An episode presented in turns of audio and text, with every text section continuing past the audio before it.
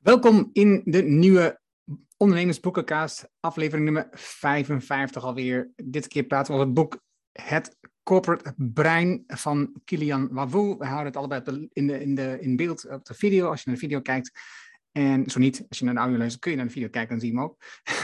Uh, in ieder geval, het boek Kilian van Wawoe, Het Corporate Brein, is het meest recente boek. Dat is net uitgekomen. Ik heb veel onderzoek gedaan naar het onderwerp beloning en, en daarvan, wat daarvan het effect is op mensen als ze daarvan hadden gaan werken uh, bij de ABN AMRO. En dit onderzoek heeft hij daarna weer voortgezet toen hij bij Arnhem vertrokken was, uh, in samenwerking met de Vrije Universiteit van Amsterdam, waar hij nu meer werkt. En hij schreef er boeken over, hij is consultant en spreekt op dat gebied. Uh, eerdere boeken van hem zijn onder andere Bonus en Het Nieuwe Belonen. En, en, het andere boek is Performance Management in, in Agile werkomgeving. Die heb ik hier ook nog liggen over, zie ik nou, realiseer ik me. Maar dit is zijn nieuwste boek. Dit heeft hij geschreven en onderzoek naar gedaan tijdens corona. En het kopperbrein is niet, het gaat niet zozeer over een, een hersenpan, maar het gaat over een methode voor een betere samenwerking um, in een organisatie na corona. En dit boek hebben wij gelezen en wij is aan de ene kant Tom van Lubbe. Welkom Tom. Hallo Erno. Aan de andere kant is Erno Hanning. En het boek hebben we ook gekregen, moeten we even netjes bij zeggen altijd, van Vakmedianet. Het voorwoord van Erik Schredder, nou, die kent iedereen van het brein, dat is een beetje dat gelijk ook. En zij zitten op dezelfde faculteit, ze werken naast elkaar, niet samen, maar wel naast elkaar. Het boek, ik heb het al aan meerdere mensen aanbevolen. Dat is grappig. Het is een boek waarvan ik zeker vanuit de titel dacht, hm, wat moet ik eigenlijk mee? Het corona en Brein. Ik, ik, ik, had niet gelijk, ja, dat boek wil ik heel graag lezen, dat had ik niet gelijk. Maar toen ik eenmaal aan het lezen was, dacht ik, oh, dit is boek echt, is echt waardevol voor eh, best wel wat mensen waarmee ik samenwerk, klanten die ik heb. Omdat het inzicht geeft over de manier waarop we hebben gewerkt in het verleden. Nou, dat is niet zo ingewikkeld, maar vooral over tijdens corona en met name over hoe we dan zouden moeten werken na corona. Dus ik heb het aan een paar mensen aanbevolen van, ik denk, oké, dus dit is interessant voor jou, omdat je nu werkt met mensen op afstand. Je hebt nieuwe mensen, neem je aan, daar staan boel dingen voor in. En hoe ga je er nu mee om straks met die tussenvorm, met het op afstand werken en kantoren? Hoe, hoe, hoe werkt dat dan van jou? Dus wat dat betreft, ik vind een zeer interessant boek. Wat vond jij, Tom? Ik vind het een goed boek. Ik denk vooral ook voor mensen die in, dacht ik toch ook wel in grote bedrijven werken, waar het best wel complex is. Dus ik, ik zat het boek te lezen en ik dacht van ja, ik bedoel, ik ken Kilian ook. Misschien even voor, voor disclosure. Kilian heeft uh, twee keer bij ons gesproken in het bedrijf. Dat heet, uh, kun je gewoon bekijken, Visie Talks. Uh, ik vind hem overigens een fantastische spreker. Dus naar hem te luisteren is, is, is omdat hij ook heel erg grappig is. Dat schrijft Erik Scherder ook in het voorwoord. Of grappig is, is ik zou zeggen, hij, hij, hij, is gewoon een hele goede spreker en hij heeft heel veel humor. En het is gewoon heel leuk om, om naar hem te luisteren. Hij heeft ook al twee keer bij ons, bij ons dus gesproken in het bedrijf. Visie Talks staat online, kun je gewoon bekijken. En in een van de boeken dus waar het over het belonen staat, uh, is, zijn wij met ons salarismodel, uh, dus uh, visie als bedrijf, staat daar ook in. Dus dat, ik heb daarvoor, we hebben voor de rest geen enkel financieel belang. Dat is puur wetenschappelijk. hij vond dat interessant omdat wij voor zijn wetenschap een, een, een interessante casus hebben. Maar ik wil dat gewoon even gedeeld hebben. En het boek, ja, ik vind het gewoon goed, omdat natuurlijk het idee, en misschien komen we dan meteen ook bij de inhoud en bij de, op de, bij de indeling de vraag is elke keer natuurlijk voor heel veel mensen, ja, gaan we het weer zo doen zoals we het in het verleden deden, of gaan we dingen anders doen? Dat is eigenlijk het uitgangspunt uh, van het boek. Ja, en het boek is opgedeeld in drie delen. Uh, het gaat allemaal over samenwerken, samenwerken voor corona, samenwerken tijdens corona en samenwerken post-corona. Wel grappig, niet pre, maar dan voor en dan niet na maar post. Dus dat vond ik een beetje grappige dingen. En voor ook met uitroeptekens, ik zeggen, niet met uitroeptekens, maar met een accent op. en dat hoofdstuk samen, of deel samenwerken voor corona is opgedeeld in drie delen. Dan ook weer elk hoofdstuk weer opgedeeld in drie delen. En in het eerste deel gaat het dus eigenlijk over, ja, gewoon over geschiedenis. Niet zozeer over heel kort voor corona, maar over hoe je in de geschiedenis, hoe wij zijn omgegaan met belonen en, en wat daarvan het effect is op mensen. En zeker het eerste hoofdstuk, dat heet ook geschiedenis. Dat is dus de geschiedenis waarin Kini laat zien hoe, ja, hoe eigenlijk belangrijk het voor de mensen is om samen te zijn, om in een groep te zijn, om daar een deel van uit te maken. En ook wat de ontwikkeling was van efficiency en belonen. Uh, en daarin haalt hij dan Taylor bijvoorbeeld aan, die dus daar onderzoek naar deed in de tijd dat dat in die situatie past dat ook heel goed, dat onderzoek wat hij deed. Hè? Dat je mensen die aan de lopende band stonden, als je zegt, of die gewoon fysiek werk deden, van als ik jou nou in plaats van 1,25 dollar per uur geef, en ik geef je 1,85 dollar per uur, uh, of per dag was het zelfs, per dag was het zelfs, ga je dan harder werken? En het antwoord was ja, die mensen gingen dan harder werken. Ze gingen veel meer versjouwen dan daarvoor. dus dat idee um, van de stok en belonen, dat, um, nou, dat heeft zich bij veel mensen in het hoofd geprent als dat is de oplossing. Als we de mensen harder gaan werken, dat ze meer resultaat krijgen, dat ze betere klanten binnenhalen, meer omzet binnenhalen, dan moeten ze gewoon meer belonen. Dat idee dat is, zit diep in ons brein. Uh, en ons bedoel dan ondernemers en managers. En dat, ja, dat krijgen we er slecht uit, dat idee. Want dat is niet het goede idee. Dat, en dat gaat dan in hoofdstuk 2 naar voren. Ja, wat hij eigenlijk in die eerste twee hoofdstukken doet, voor, kan zijn dat er ook HR-mensen zitten te luisteren. Uh, hij zet in principe twee wetenschappers tegenover elkaar, of twee, twee posities. Hè, wat jij noemde al even Frederik Taylor. Hè, dus de, de carrot en de stick. Dat is het eerste gedeelte. En daarvan zegt hij van ja, zo hebben eigenlijk de meeste ondernemingen gewerkt. En hoofdstuk 2 is Daisy Ryan. Dat is overigens ook waar ons, waar ons model binnen het bedrijf op gebaseerd is. En wat de mensen wel kennen, omdat het gepopulariseerd is door Daniel Pink in het boek Thrive, wat we ook besproken hebben. En daar in dat hoofdstuk 4 van, de, van, van dat tweede gedeelte van het boek, daar gaat het dan over groei, autonomie en verbondenheid. En dat is wat we normaal gesproken als autonomy, mastery en purpose bijvoorbeeld bij Daniel Pink kennen. En wat purpose bij Daniel Pink is, is verbondenheid bij Daisy en Ryan. Dus dat is in principe het academisch wetenschappelijk kader wat onder die twee hoofdstukken ligt en wat, wat eigenlijk eh, these en antithese is. Ja, en dan is de vraag, wat ga je dan na corona doen? Zo is het boek eigenlijk opgebouwd. Ja, ik vond een mooie voorbeeld wat in de conclusie stond, de metafoor over joggen. Ik ben zelf hardloper, dus ik, ik heb daar wel iets mee. Maar eh, mensen gaan joggen en zonder enige ervaring en enige instructie of uh, uitleg of training of coaching gaan ze gewoon van zichzelf joggen. En ergens strandt dat, maar dat, dat zien ze gewoon niet eens. Want ja, ze willen gewoon lekker joggen en het zit ook niet zoveel. Terwijl als je wel wat begeleiding zou nemen, wat coaching zou en wat feedback zou krijgen over hoe je loopt, over waar je correcties moet aanbrengen. En dat heb ik dus ook. Dus ik zit bij een antiekvereniging en dan krijg je loopscholing, je krijgt instructies, je krijgt uitleg waar je kunt versnellen, waar je kunt verbeteren, hoe je dat beter kunt organiseren. En dat levert zoveel winst op, dat, je, dat, nee, dat het eigenlijk vreemd is dat je dat niet doet. Nou, dat is wat hier ook weer terugkomt. je ziet dat als je er anders tegenaan zou kijken, dat levert zoveel winst op, het is eigenlijk vreemd dat we het niet doen. En het andere was in het model van, in de wereld van Taylor, eh, dus in dat model wat je net beschreef, daar, gaat het heel erg over samenwerking. Dat is een onderdeel van die drie elementen, wat je ook beschreef van Pink. En eigenlijk het model wat Taylor aanhangt, is eigenlijk is helemaal geen samenwerking. Het is vooral concurrentie. Ik moet harder werken dan mijn collega, want dan krijg ik meer betaald. En, en dat is funest voor de mens. Dat is eigenlijk voor alle zoogdieren, maar we houden ons even bij de mens. Dus, maar dat is funest voor de mens, want we, we, hebben het gevoel dat we dan niet bij een groep horen. En dat is, dat is gewoon heel erg slecht voor, onze, voor ons welzijn. Misschien, ik, misschien om even op bladzijde 44. Dat is de conclusie van het eerste hoofdstuk. Ik vind dat zeer krachtig geformuleerd. Dus jij zegt net van ja, daar wordt dus niet samengewerkt met Taylor. En hij schrijft hier, hoe zag samenwerking er volgens Taylor uit? Het antwoord is niet.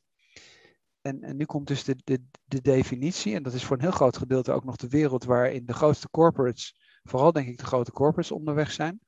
Het aansturen van mensen is traditioneel juist een individuele activiteit. Sterker nog, organisaties zetten door middel van prestatiemanagement medewerkers tegen elkaar af en laten ze concurreren om schaarse middelen, oftewel een competitie waar de beste het meeste krijgt.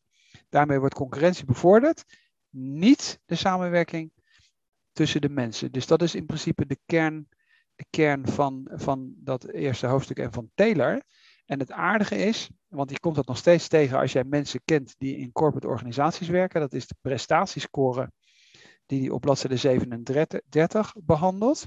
Dat, en en ik, ik weet dat van mijn partner overigens ook die vertelt dat dan, dat er een schaal is van 1 tot 5 en dat een manager dan de punten mag verdelen. En dat gebeurt nog steeds. Dus hoewel er rijen boeken zijn waar wetenschappelijk onderzoek is gedaan dat dit dus niet functioneert en contraproductief is, functioneert een heel groot gedeelte van het bedrijfsleven exact, exact op die manier. En dat is waar Kilian Wawoe eigenlijk al jaren tegen ten strijde trekt. Dappere Don Quixote op de Zuidas. En het is eigenlijk verbazingwekkend dat dat niet doorbroken wordt. In het hoofdstuk 3 um, gaat het over belonen voor corona. Dat is de titel van, het onder, van dat hoofdstuk. Wat ik dan interessant vind, is dat wat hij het heeft over wat motiveert ons als mens. Dat komt namelijk heel veel terug, dadelijk in het boek. Het motiveert ons dat we vooruit gaan boeken. En dat, dat, dat, dat komt straks terug bij groei, autonomie en verbondenheid. Het, het groei vooruit gaan boeken, dat motiveert ons enorm. En daarvoor hebben we feedback nodig. Dat we zoeken feedback en coaching. Dat is iets waar dus de meeste managers, maar ook ondernemers, heel veel moeite mee hebben. Het dus goede, duidelijke feedback geven. Dat is een onderdeel van je job en ze besteden er veel tijd aan. En hij, het zijn twee elementen in het hoofdstuk die ik heel erg aan de ene kant leuk en de die andere heel interessant vind. Het eerste wat ik leuk vond, mooi genoemd, is het Blaricum-syndroom. Je realiseert het je niet, maar als je het zo uitlegt, denk je, ja, dit is wel echt, dit is gewoon, hier zit een, hier zit een punt gewoon. Het, het is het Blaricum-syndroom, mensen die veel geld hebben, um, die op een bepaalde positie zitten, die kunnen zich eigenlijk heel moeilijk voorstellen en inleven voor mensen die veel minder geld hebben. En dus als je kijkt naar Blaricum, dat is natuurlijk een plaats met mensen met heel veel geld, politici en managers en directeuren. Zij besluiten van heel goed deel over de mensen die onder hun vallen, die veel minder hebben. En dus of het nou over corona gaat, of over beloning, of over fit zijn, of over uh, hoe je zou moeten leven. Maakt niet uit. Ze hebben daar een visie op. En ze kunnen zich niet verplaatsen, of heel erg moeilijk verplaatsen in de mensen die daaronder vallen en die niet zoveel geld hebben, die helemaal niet zoveel middelen hebben, die dat allemaal niet kunnen wat zij kunnen. Weet je wel? Je moet gewoon, en we hebben het daar al vaak over gehad, er worden voorstellen, je moet gewoon een extra tax op, op benzine heffen, want dan gaan we minder auto rijden. Die, auto's, die mensen rijden niet in benzineauto's, die rijden elektrische auto's, want dan kunnen ze betalen. Of je moet voeding halen bij de ecologische boer, want dat is gezond en fit. Maar dat kunnen die mensen niet betalen, want dat is veel te duur. Dus die moet gewoon de supermarkt en die moet de goedkoopste groente halen. Maar in, in die wereld kunnen ze zich niet verplaatsen. En dat zijn wel de mensen die dus besluiten over die mensen die dat leven leiden. En het andere element, en dat heeft weer te maken ook met de wereld waar, waar ik met mijn gezin in zit. Mijn dochter die werkt in de zorg, dus dat raakt me al enorm wat ze daarover schrijft. Dus, en hij, Kilian heeft het over de zorgbonus. De effectiviteit van de zorgbonus die de zorg heeft gekregen medewerkers in de zorg tijdens, eh, dat ze zich hard, hard hebben ingezet in de zorg tijdens de corona. Het effect daarvan, zegt hij, is waarschijnlijk gewoon omgekeerd van wat je wil. Het, is gewoon, het heeft een negatief effect, het levert minder welzijn op. Wat zijn gevoel veel duurzamer was geweest, of is, als je ook nog ooit weer nadenkt over een zorgbonus of een extra bonus, want mensen gaan niet harder van lopen. Mensen worden ook niet gelukkiger van, want die mensen worden namelijk geluk van andere mensen helpen. Dus die worden niet gelukkig van die extra 500 euro. Dat, is zo kortstondig. Maar waar ze veel geluk van zouden zijn geworden, is bijvoorbeeld coaching, een opleiding, eh, meer autonomie in het werk geven. Of een ander die, heel sterk, die ik ook sterk vind, garantiefonds om een huis te kopen. Want die mensen, en als je naar het programma hebt gekeken van uh, De Kloof, heet het programma, dat ging over de, de, kloof tussen rijk en arm. En daar zat, daar zat er dus iemand in die in de zorg werkte, die kan dus gewoon geen huis kopen. Omdat hij gewoon te weinig inkomen heeft. En dus als je een garantiefonds opricht om voor mensen, voor die mensen die hard werken in die wereld, en dus die een echte bijdrage leveren aan de maatschappij, daar worden die mensen gelukkig van. Laten we zoiets opzetten. Ja, misschien toch nog even terug naar het Blaricum-syndroom. Omdat het best wel een extreem voorbeeld is wat die, wat die heet. En ik zou zeggen, deze, uh, voordat iedereen die daar, die daar in, die, in die buurt woont, uh, zich meteen ontzettend uh, aangevallen voelt. Nou, het voorbeeld wat hier genoemd wordt is dat hij zegt van het hoogste bedrag dat hij als hoofd van de personeelafdeling bij, bij de, dat is de ABN AMRO ooit had uitbetaald, was 4 miljoen euro. Nou, dat is een substantieel bedrag, denk ik. Daar zijn we elkaar over eens. Dus, eh, dus hij gaat bij de goede man langs. Hij geeft dat briefje. En de enige reactie, of de, of de reactie die hij krijgt, is: wat hadden de andere directeuren? En dat is het punt wat hij wil maken. Hij zegt: het gaat de hele tijd alleen maar om het vergelijken met anderen. Om dan na de hand inderdaad tot de conclusie te komen dat als je gewoon echt wetenschappelijk onderzoek doet, wat doet ertoe? Dat is verbondenheid. Hè? Dus dan zijn we in principe weer in dat model wat we dadelijk in het, wat in het tweede gedeelte van het boek behandeld wordt. Dat is waar het om gaat. Alleen dat maar vergelijken en de mensen tegen elkaar opzetten en dan ranglijsten maken en, en eh, wie heeft er nog meer, et cetera. Dat is natuurlijk een beetje, dat is eigenlijk waar hij de mensen spiegel wil voorhouden en wil zeggen van, ben je ergens blij mee? Of gaat het er alleen maar om of jij meer hebt gekregen dan iemand anders? En dat is natuurlijk, dat is natuurlijk wat als een rode draad ook door de huidige samenleving loopt. En het voorbeeld wat ik heel vaak noem is dat kantoorgebouw van de ABN AMRO. Dat past heel goed op de Zuidas. Iemand zet een kantoorgebouw neer en, en zegt van ja, nee, maar ik wil wel dat de komende tien jaar het hoogste gebouw blijft. In dit soort bedrijven zit er natuurlijk gewoon echt iets fout als dat elke keer het uitgangspunt is. Maar het is heel individualistisch. Hè? Wat in principe wat ik net ook heb voorgelezen. Het gaat helemaal niet om wij. Het gaat alleen maar om ik, ik, ik en de rest kan stikken, om het maar even heel simpel te, te noemen. En dat is het punt wat jij natuurlijk ook net gemaakt hebt. Ja, en het eigenaardige natuurlijk niet alles is, het zijn meestal toch wel redelijk hoog opgeleide mensen. Dus je mag verwachten dat ze een beetje wijs zijn. En dan zou je verwachten dat ze zich onderhand een keer realiseren dat dat niet gelukkig maakt, dat gedrag wat ze, wat ze zelf van, uh, gebruiken. Dat zou je verwachten. Maar goed, onderzoek wijst uit dat het niet zo is. Het tweede deel, samenwerken tijdens corona. Dus dan in 2020 uh, eh, treedt corona Nederland binnen en er gebeurt van alles. Uh, we moeten plotseling allemaal thuiswerken, tenminste het grootste deel van, van de mensen die moeten thuiswerken. Ja, hoe doe je dat dan? Voor mensen is het wennen, systemen werken nog niet, maar ook voor die managers is het wennen. En dus het eerste hoofdstuk in de deel, hoofdstuk 4, dat gaat over groei, autonomie en verbondenheid. Dat hebben we net al gezegd, dus, het komt uit het, van Pinkok, maar, uh, daar hebben we een boek over gehad. Het zit ook in het Rijnlandse gedachtegoed, het, het, het, het, continu de dingen die we bespreken. Maar als mens willen we groeien. En hier hebben we feedback voor nodig. En wat je uit die onderzoek naar voren haalt, wat uh, Kilian naar voren heeft gehad uit die onderzoek, is dat op afstand werken heeft het voor die manager een stuk lastiger gemaakt om tijdens corona en tijdens het werken op afstand en ook nog al die privé-uitdagingen die die mensen hebben. Het want je hebt plotseling je kinderen ook thuis, moet je allemaal opleiden, allemaal organiseren met je werk.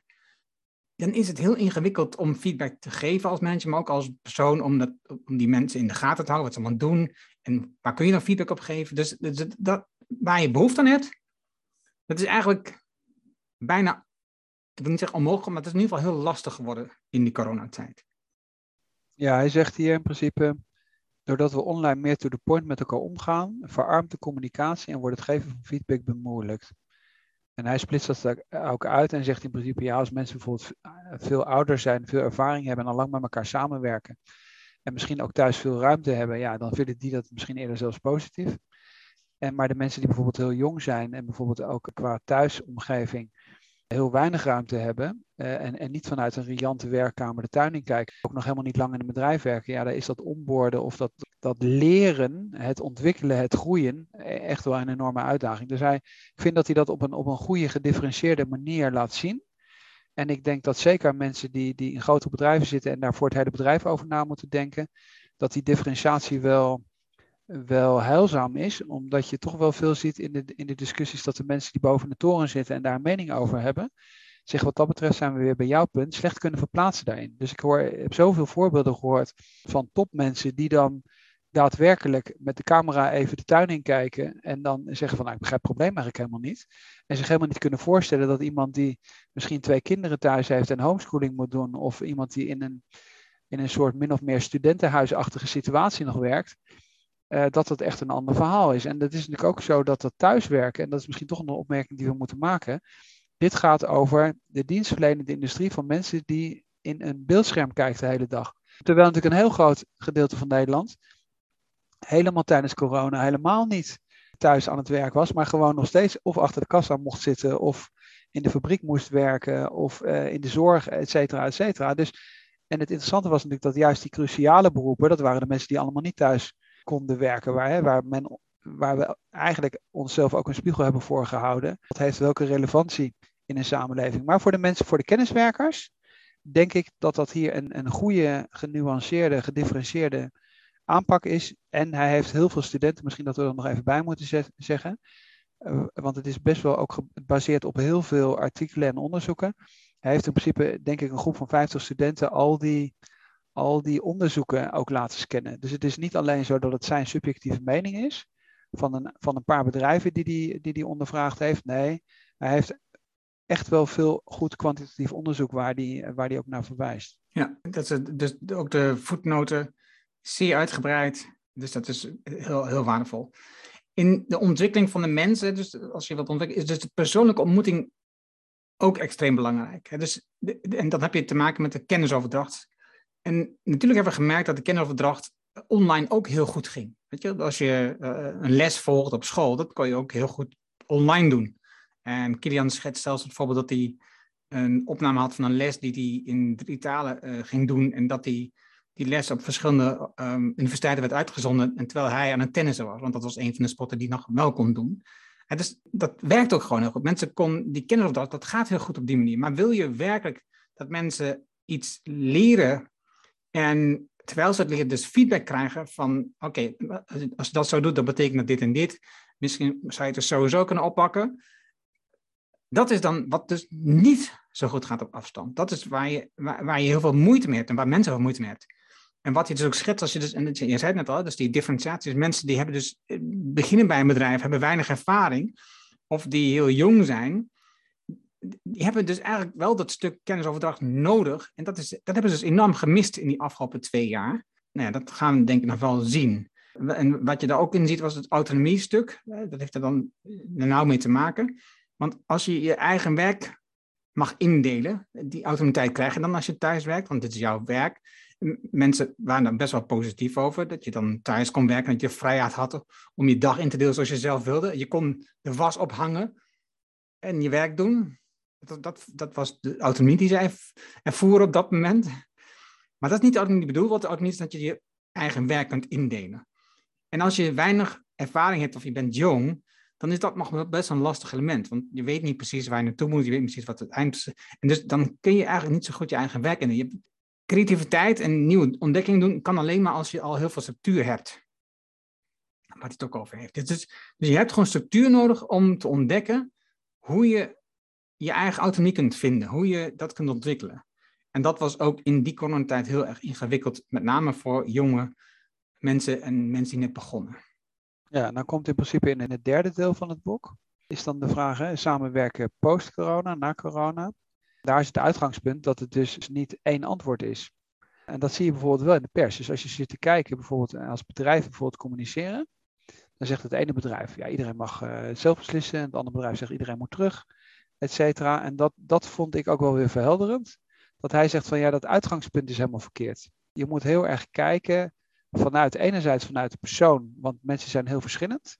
En ook, wat is de beste manier waarop de kwaliteit van het werk wat je samen in een team gedaan wilt hebben, hoe kun je, hoe kun je die kwaliteit en die samenwerking het beste optimeren? En vanuit daar zou dan de conclusie moeten zijn hoe dat met de autonomie is en wie daar hoe vaak thuis zit, et cetera. En die gedifferentieerde aanpak, die zie ik bij ons in het bedrijf bijvoorbeeld ook. Dus mensen die jong zijn en bij ons als adviseur beginnen en opgeleid moeten worden, daar heeft het team zelf gezegd van, nou die moeten in het begin helemaal terug weer naar kantoor. En die moeten daar min of meer, ik weet niet of het elke dag is, want ik zit er niet diep genoeg in. Eigenlijk gewoon elke dag er zijn. En dat willen die jonge mensen ook, omdat ze zelf ook merken dat ze enerzijds die sociale contacten missen. Ook merken dat het voor de ontwikkeling of de groei van hun eigen eh, onboarding en het leren, et cetera, enorm relevant is. En omgekeerd heb je natuurlijk situaties waar mensen in hele andere rollen zitten, waar dat bijvoorbeeld een veel eenzamer bestaan is. Ik heb bijvoorbeeld ook zo'n een paar rollen. Die, die doe ik min of meer alleen of met één andere persoon. Ja, dan kan ik wel, als ik me met media en communicatie bezighoud, dan heb ik, heb ik aan, mijn, aan mijn dagelijkse vergadering om negen uur met één, twee andere mensen heb ik volledig genoeg. Dan hoef ik niet die 60 andere mensen te spreken. En ik vind dat hij dat hier wel heel goed uh, eigenlijk ook uitlegt. Maar ik zal met, met andere aandacht zal ik nu de berichten lezen over wat bedrijven hebben besloten, wat hun policy uh, eigenlijk is. En elke keer denken van nou, dat kan dus eigenlijk nooit goed zijn, omdat het veel te zwart-wit en, en helemaal niet recht doet eigenlijk aan de individuele situatie van alle mensen en ook van de teams. Ja. In hoofdstuk 5 heeft het over productiviteit en welzijn. Ik heb er net al wat van gezegd, maar wat een element was dat nog niet had genoemd, was wat hij zegt, ja, en jij schetst dan ook al, sommige mensen varen heel erg wel bij op afstand werken en andere groepen juist heel slecht. Dat is het ingewikkelde aan. Dus je moet het voor al die mensen organiseren. Niet alleen dat, die mensen hebben natuurlijk onderling ook afspraken. De ene die vaart heel erg wel bij uh, niet op afstand werken, die moet ook afspraken met mensen die wel op afstand werken. Dus dat, dat maakt het nog weer ingewikkelder. Maar, en dat schetste eerder ook al, het deel dat echt blij was met afstand werken, was niet heel groot, maar was vooral mannelijk, bepaalde leeftijd, bepaald niveau. En die directeur die uh, in, in, zijn werkkamer zit en in de tuin in kijkt, dat is fantastisch. Maar het grootste deel um, vaart niet echt wel bij het online werken, het afstand werken.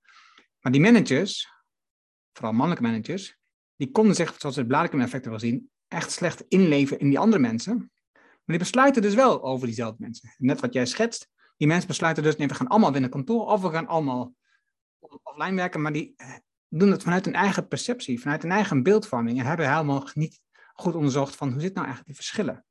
En dan heb je dus, um, wat je net al schetst, die, die, die onduidelijkheid of die, keuze die je kunt maken. In hoofdstuk 6 heeft hij 17 keuzes op een rij gezet die je moet maken over hoe je gaat werken na corona. Dus het, deel 3 is samenwerken post-corona, maar in hoofdstuk 6, dat zit nog in deel 2, daarin laat hij je 17 keuzes zien hoe je gaat werken na corona. Um, keuzes als, ga ik nu met prestaties werken of ga ik op resultaat afrekenen? Ga ik uh, doelen stellen die prestatiegericht zijn of ga ik leerdoelen kiezen? Ga ik nu eindelijk iets met feedback doen en met belonen of uh, ga ik, moet ik iets doen over coaching? Wat ga ik doen met het beschermen van de zwakken die moeite hebben op afstand te werken? Wat ga ik doen met de mensen die op verbinding moeten organiseren? Dus er zitten heel veel vraagstukken in. Het hoofdstuk is niet heel erg lang, dus die vraagstukken, die, kun je, die keuzes kun je best wel makkelijk doorlopen. Die je in mijn optiek als organisatie, als HR-manager of als manager van je afdeling, helpen om na te denken over hoe ga ik hiermee om? Niet alleen jouw werk, bijvoorbeeld het ging ook over leiderschap. Welke leiderschapsstijl hanteer je? Maar ook over hoe ga je met die mensen om? Hoe breng je die mensen bij elkaar? Die mensen die wel op afstand willen werken, die mensen die niet op afstand willen werken. Hoe zorg je ervoor dat je die beloning doet en dat je ervoor zorgt dat je die mensen de juiste feedback geeft, bijvoorbeeld? Nou, dat is een, interessant hoofdstuk wat je kunt gebruiken in Manotiek en daarnaast kunt houden van, oké, dit zijn de keuzes waar we voor staan als we naar corona terugkomen met z'n allen. Hoe gaan we dat dan organiseren? Ja, ook op basis van de andere boeken die Kilian heeft geschreven. Kilian is wel gewoon een heel groot voorstander van de, van wat dan de zelfbeschikkings- uh, of zelfdeterminatietheorie van, van Daisy en Ryan is. En hij is een hele grote tegenstander van het ouderwetse uh, Taylor-model. Dus dat was voor corona was dat ook al zo. En, ja, en daar, is hij dus, daar strijdt hij uh, voor en, en zegt uiteindelijk, en hij hangt het nu aan corona op, dat een hele hoop van die dingen heel erg duidelijk zijn. En dat je dus eigenlijk naar dat Daisy en Ryan model toe moeten. Dat is in principe wat eronder ligt in, dat boek. En, en ik denk inderdaad dat corona, wat dat betreft, natuurlijk ook een enorme kans is. En wat je natuurlijk ziet is dat die groepen bedrijven, die, de, de, de ene kant die al voortvarend bezig waren, die versnellen. En, en, en de mensen die, die in principe nu na de corona, ik noem het maar even de coronacrisis, eigenlijk weer eh, teruggrijpen op dat wat ze in het verleden ook hebben gedaan. Daar is die gap met de reality, met de realiteit nog vele malen groter. Omdat die mensen voor een groot gedeelte, als het wel bij ze past, hebben gezegd: ja, maar ik heb mijn werk toch net zo goed kunnen doen. Ik heb zelfs drie uur meer gewerkt gemiddeld dan in het verleden. Dus waarom zou ik weer terug moeten komen naar kantoor? Dus, en dat is natuurlijk wat je op dit moment ziet, wat een enorme clash aan het worden is op de arbeidsmarkt. Omdat een hele hoop mensen die in die oude structuren zitten en die terug moeten naar kantoor, die zeggen van ik ga eens even verder kijken, want ik zie dat er namelijk bijna geen werkloosheid is. Ik heb hier helemaal geen zin in. Ik ga op zoek naar bedrijven die meer de Daisy Ryan zelfdeterministische theorie aanhangen, waar de medewerker veel meer centraal staat. Dat is in principe wat, uh, wat hier nu aan het gebeuren is. Ja, in, in Amerika heet dat de grote vertrek op dit moment. Hè? Dus je ziet dat heel veel mensen nu actief het bedrijf verlaten en op zoek gaan naar een andere plek, omdat er nou, natuurlijk heel veel vraag is. En ik zag van de week een post voorbij komen dat dus dit zich verspreidt over de wereld. En ik vraag me dus ook af of dit nu, of dit nu merkbaar wordt in Nederland. Ik weet van mijn eigen partner dat uh, die vindt het heel prettig om vanuit huis te werken. Ondertussen heeft ze heel, is ze afgelopen twee heel aan gewend geraakt en ze, ze, kan er goed mee leven. Maar op de afdeling waar ze werkt eh, zitten toch ook heel veel stemmen Waarvan ze zeggen, ja nee, we vinden dat het allemaal terug naar kantoor. He, dus zoveel mogelijk terug naar kantoor. Je moet in ieder geval zoveel dagen naar kantoor. Er worden allemaal eisen aangesteld die gericht zijn vanuit hun eigen perceptie. En niet luisteren naar die behoeften van die ander. Die zegt, ja, ik hoef eigenlijk niet zo vaak naar, terug naar kantoor. Laat me maar gewoon, ik doe mijn werk wel en het komt toch hartstikke goed. Oké, dan is het laatste deel samenwerken post-corona. Eigenlijk is dit een soort samenvatting van het deel ervoor met nog een toevoeging. En daar kom ik zo op terug. Want het eerste hoofdstuk, eh, de grondbeginselen van een corporate brein, daarin legt hij dus uit um, wat het corporate brein is. Dat is de, de, de vorm die je kiest na corona. En hierin gaat het over hoe je dan de leiderschap organiseert in zo'n corporate brein. En dan, wat je al zei, dus dat je dan kiest voor die nieuwe vorm, waarbij de groei van de medewerker centraal staat. En dus feedback bijvoorbeeld een belangrijke rol speelt. Het beloning is het onderwerp van Kilian daar in het, in het hoofdstuk. En hij laat dan zien hoe je dat organiseert in een nieuwe organisatie, zoals je net al zei. Maar wat in hoofdstuk 8, dan heb je het kantoor, want dat is natuurlijk waar veel over gediscussieerd wordt, met, uh, rondom corona. Hè? Dus uh, corona is voorbij, iedereen werkt thuis, we kunnen nu schrappen in kantoren. Hè? Dus, en we kunnen kosten besparen. Dat is waar het om draait. Hè? Kosten besparen, daar gaan we het mee redden. En wat hij laat zien is eigenlijk dat het verschil, als je naar de kosten kijkt, ja, in verhouding tot de loonkosten niet zo heel erg groot zijn. Er wordt heel veel aandacht besteed aan hoeveel kosten we gaan besparen door niet meer naar kantoor te gaan en de kantoren af te stoten. Terwijl als je veel meer gas zou geven op goed onboarden, het goed behouden, het coachen, laten groeien van mensen, dat levert je als bedrijf veel meer op dan het nadenken over die kostbesparing die je behaalt met je kantoor. En daar heeft hij een leuk model voor, de taxonomie van het kantoor. Het bestaat uit de zes C's, alleen ik heb ze vertaald naar Nederlands, waardoor het niet meer allemaal feest zijn. Maar goed, ehm, de eerste is creativiteit, samenwerken en coaching. De tweede is verbinden en ontmoeten. De derde is coördinatie en communicatie. En dat betekent vooral dat je uitwissel van informatie krijgt en gepland en ongepland. Dat, dat ongeplande stuk, dat is wat we dan vaak vergeten. En de vierde is concentratie. De vijfde is klanten. Uh, dus dan heb je contact met mensen van buiten een bedrijf. En de zesde is cardio, dus het verbeteren van je lichamelijk welzijn. Dus en concentratie, dat is het werken zonder afleiding. En, dat is vooral belangrijk voor die kenniswerken. En daarin laat hij zien hoe belangrijk het dan is voor die verschillende elementen, of je daarvoor op kantoor moet zijn of dat dat ook op afstand kan. Ik denk, simpel model, maar het maakt het net even inzichtelijk. Oh ja, als ik uh, ga nadenken over verbindend moeten tussen al mijn medewerkers, dan moet dat op kantoor. Dat, dat lukt niet op afstand. Dat je dat inzicht gewoon even krijgt voor jezelf van, oh ja, dit, dit is interessant. Als ik zoek naar creativiteit en ik wil samenwerking stimuleren en ik wil mensen coachen, dan moet dat op kantoor. Dus moet, ik moet dus de omstandigheden creëren dat die mensen kan zien op kantoor. Dat moet ik, en dat moet ik gewoon gaan organiseren. Ja, je, je krijgt bijvoorbeeld, wat ook bijvoorbeeld als het om concentratie gaat, wat we natuurlijk net al zeiden, dan is het heel erg afhankelijk van wat je thuissituatie is. Als jij een groot huis hebt en een werkkamer die uitkijkt op de tuin, dan is dat een ander verhaal. Dan concentreer je je thuis beter dan op kantoor. Maar voor mensen die heel veel geroezemoes hebben en kinderen en, en huisgenoten, weet ik veel wat allemaal, die zijn blij dat ze naar kantoor kunnen. En dat denk ik dat iedereen dat wel herkent. Alleen als dat zo is en we dat allemaal herkennen, dan betekent dat de conclusie is dat je een gedifferentieerde aanpak moet hebben. Dus dat is enerzijds gedifferentieerd. Eigenlijk is het gewoon een soort matrix met een aantal velden. Enerzijds is het uitgaand van de persoon zelf, de behoefte. Wat is mijn thuissituatie? Wat vind ik prettig? En, en dat wat prettig vinden, dat zal vaak correleren met de, de, hoe de situatie is. Want als het een als het thuis een enorme bende is of uh, veel lawaai met kinderen, dan, ja, dan uh, ik zit ook liever in mijn externe uh, werkkamer. Dat is nogal logisch. Maar anderzijds, en dat is, de andere, dat is de andere kant dan, afhankelijk van het team, wat, is, wat is daar de behoefte? En dan heb je natuurlijk naar de hand echt wel meer dan één veld, waar je kunt zeggen van, we gaan allemaal terug of we blijven allemaal thuis. Er één element wat ik beslist wil noemen uit dit laatste hoofdstuk. En ik denk dat het te maken heeft met de leeftijd ook van Kilian zelf. Hij zegt, we moeten ouderdom meer gaan waarderen. En ik heb het de laatste tijd, zeker na het lezen van het boek De Lessen van de Samurai, een paar keer over gehad. Het idee dat we de piek van ons leven bereiken van ergens tussen ons 70 en 80ste levensjaar. Dat is wat, uh, wat er naar voren komt in, het, uh, in Japan. Hier loodsen we mensen bij 67, op dit moment volgens mij de leeftijd, het bedrijf uit. We hebben het gevoel dat die mensen niet meer van waarde zijn, dat die niet snel genoeg kunnen leren. Weet ik allemaal wat. Allemaal redenen waarom we geen gebruik maken van die kennis. En hij pleit hier ergens in één alinea, misschien of twee, ik weet niet precies wat het was, maar over we moeten ouderdom weer meer gaan waarderen. Die mensen met, die al wat ouder zijn, met senioriteit, die hebben veel kennis in zich. Laten we dat alsjeblieft gaan gebruiken. Ja, ik, vond het, uh, ik, ik moest daar ook glimlachen toen ik het las, omdat ik natuurlijk zelf ook geen 25 meer ben. Alleen, we hebben natuurlijk een ander boek besproken, daar ging er nou juist om dat, je, dat we de jeugd een veel meer stem moeten geven. Hè? Dus dat, was, dat ging over klimaat en duurzaamheid en verantwoordelijkheid. De goede voorouder was de boekbespreking. Dus ik denk uiteindelijk, het is niet of-of. Het is veel meer, we moeten iedereen, of jong of oud, welke privésituatie ook heeft, we moeten de mensen als mens zien. We moeten naar de mensen luisteren. We moeten op de mensen ingaan.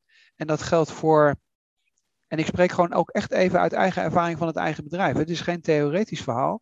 Iemand die in Amsterdam bij ons als junior is begonnen tijdens de coronatijd en nog in zijn oude studentenhuis zit, waar misschien nog twee van de vier normale tijden s'avonds de hort opgaan, terwijl jij de volgende morgen om negen uur uh, een klant hebt, ja, dat functioneert natuurlijk van thuis uit helemaal niet. Of als je homeschooling moet doen. Die mensen draaien helemaal door.